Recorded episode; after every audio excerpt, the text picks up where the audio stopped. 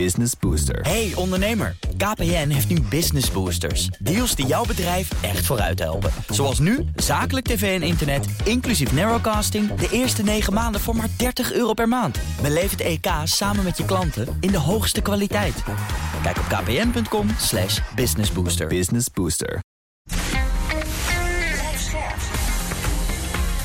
BNR Nieuwsradio. Boekenstein en de Wijk.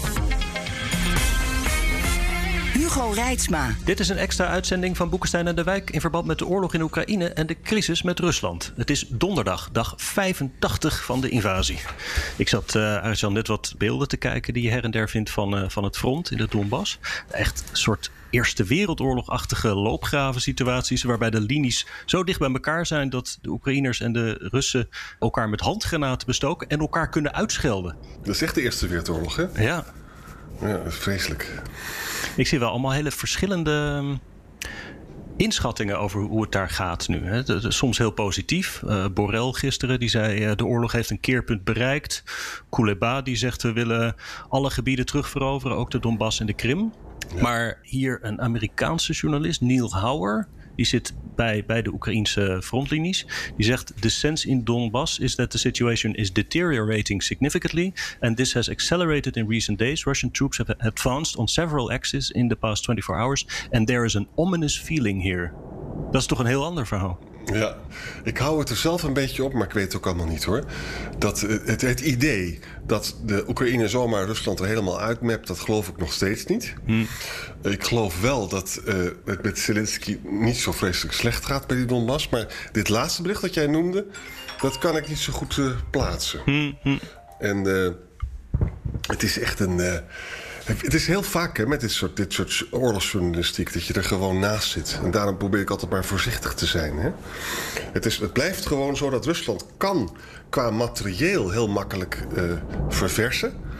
Uh, maar niet qua reservisten. Hmm. Maar de gedachte dat dus de Oekraïners zomaar even alles eruit... Uh, dat, dat, geloof ik niet. Het is wel zo dat kennelijk... Hè, de, de zware wapens aankomen. omdat namelijk die halve maan niet is afgesloten. Dus het gebied is niet afgesloten. Dat is wel weer gunstig voor. Je merkt ook een beetje dat bij Zelensky. Die, ja, Oekraïne wil gewoon meer wapens, hè, stelde de regering vandaag. En, en geen staakt het vuren. Zij zijn wel een beetje in de winning mood. Ja. Ja. Ja. Heb je trouwens gezien dat die, die gekke ex-Russische kolonel... Die, die op de tv leegliep over dat het helemaal niet goed ging aan Russische ja. zijde... die was er dus gisteren weer... En nu had hij het tegenovergestelde verhaal. Hij heeft kennelijk oh. een donder gehad. en nu zegt hij van... Uh, ja, uh, luister eens. Uh, het is toch eigenlijk wel zo dat die wapens... die komen weliswaar aan... maar die gaan we gewoon allemaal uitschakelen. En dan zag je er mooie beelden bij... van cruise missiles die dat dan konden doen en zo, weet je wel. Dus hm. de, de, de, de censuur is weer toegepast in Rusland. Waarschijnlijk. Hey, jij had nieuws over uh, de, de bezette gebieden?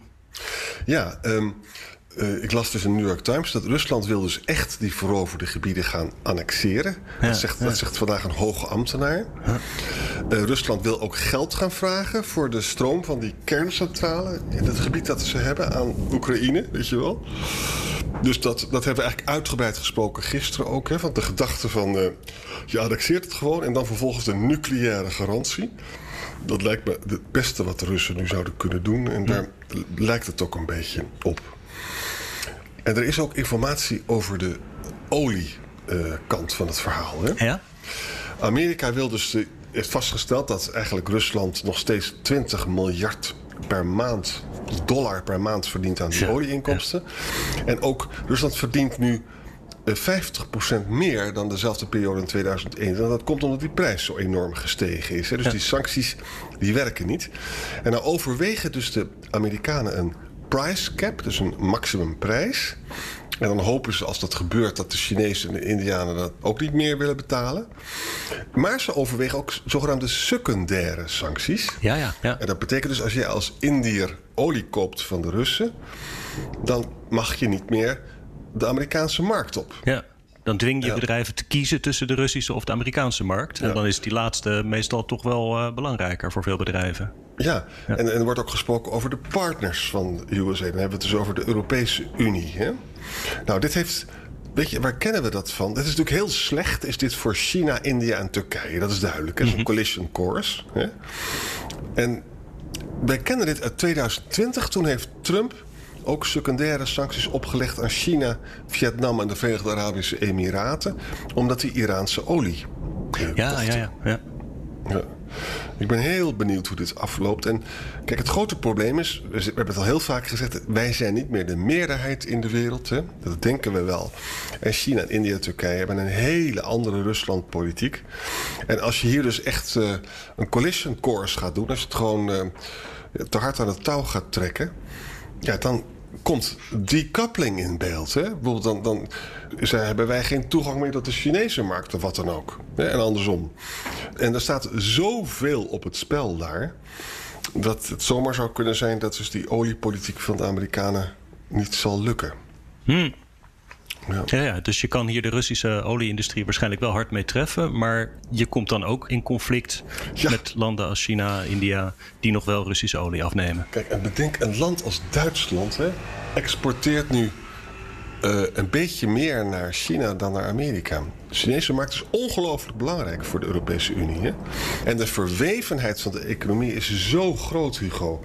Mijn appeltje kostte 2600 euro of zo. en, en dat komt omdat hij in China is gemaakt. Terwijl als, als hij hier zou zijn gemaakt van Amerika... dan, Dan kan je hem niet meer betalen. dat is 8000 eh, euro. Ja. Dus met andere woorden, dat, daar worden we allemaal arm van. En dat is ook een potentiële spanningshaard tussen, binnen de Atlantische wereld, hè, tussen EU en de Amerikanen. En de Amerikanen worden allemaal boeken geschreven over de Thucydides Gap. There will be war between China and eh, America. It's inevitable, hè, onvermijdelijk. Dat is niet een Europees belang. Eh, want wij willen heel graag daar eh, handel blijven drijven. Dus dat moeten we in de gaten houden. Ja. Hey, jij moet er zo vandoor, hè? Eh, En dan spreek ik Rob, geloof ik, later nog wel eventjes. Gaan we Ja. eens even zien wat hij te melden heeft. Ja, nog één klein dingetje. Scholz is in Nederland vandaag. Oh. Op bezoek bij Rutte, Willem-Alexander en vast ook wel bij de Tweede Kamer. En hij wil ook geen snel EU-lidmaatschap voor de Oekraïne, maar wel een heel groot solidariteitsfonds. En het argument dat hij gebruikt natuurlijk is dat die zes westelijke Balkanlanden, hè, Montenegro, Albanië, Servië, Kosovo, noem ze allemaal maar op. Ja, die kan je niet zomaar voor het hoofd stoten. Want die zijn al jaren zitten ze te wachten. Ja, ja. En, eh, dus dat, dat, dat spelen hele andere belangen ook. Oké, dan spreken we elkaar morgen. Ja. Hè? Tot dan, Hugo. Dag. Yo. Hey Rob. Ja, hier ben ik. Ja, hoi. Hey, Arjan die moest er vandoor. Ehm, ik merkte het. We hadden het over, eh, over de Donbass en al die verschillende inschattingen over hoe het daar gaat. Wat maak Ja. jij daarvan? Ja, die hebben wij eigenlijk ook wel. Eh, ik behoor eh, altijd bij de school die buigt, buitengewoon terughoudend is met, met hele optimistische inschattingen, want die kloppen in de praktijk vaak niet.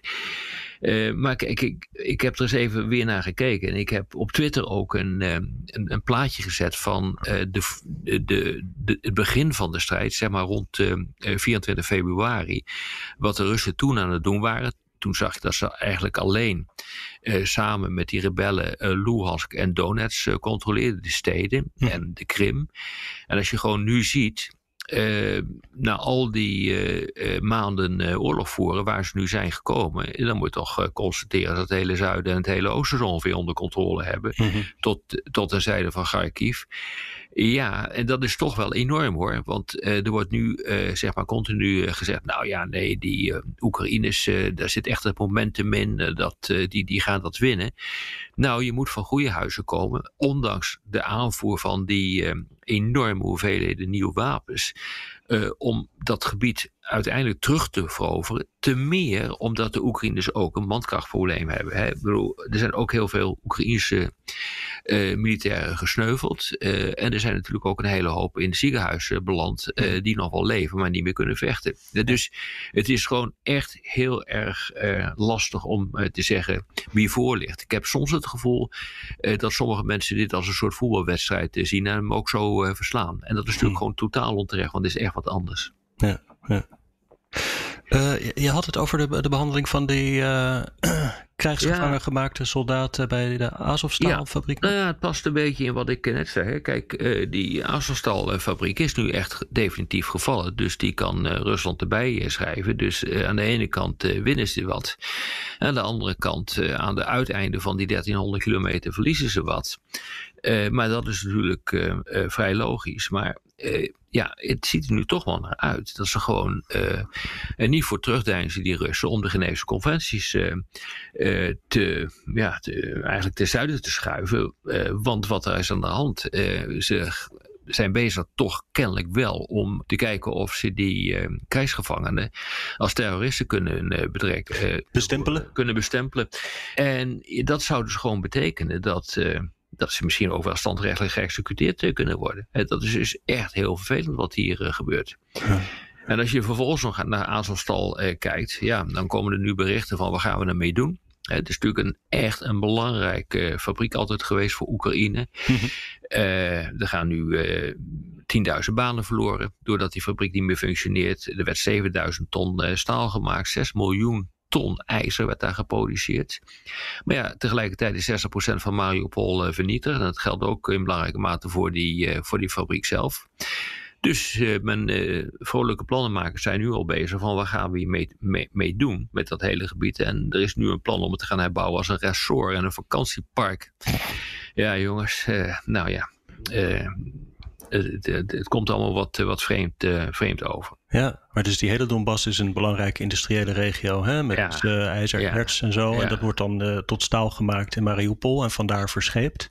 en dan heb je aan in de rest van het land het, het, voedsel dat verbouwd en geëxporteerd moet worden. Ja, zeker. En dat begint echt een, uh, een groot probleem te worden. We hebben er al eerder over gesproken, maar vandaag kwam ook weer het het, uh, het World Food Program van de VN in beeld. En die zei van dit kan nog wel jaren gaan duren. Er moet nu echt gewoon druk op uh, Poetin worden gelegd om ervoor te zorgen dat het graan dat nog aanwezig is in mhm. Oekraïne, onder andere via Odessa, het land kan verlaten. Ik begin uh, langs, want dit wel een oorlogsmisdaad te vinden hoor. Het ophouden van, van het graan. Want dit betekent gewoon dat miljoenen mensen tientallen miljoenen mensen volgens het World Food Program uh, nu in een situatie komen dat ze gewoon uh, acuut honger gaan lijden en dat gaat weer uh, meer slachtoffers opleveren. de, de World Food Price Index van de VN, die geeft dus aan wat de hoogte van de voedselprijzen is, die staat op 160 en 100 is normaal.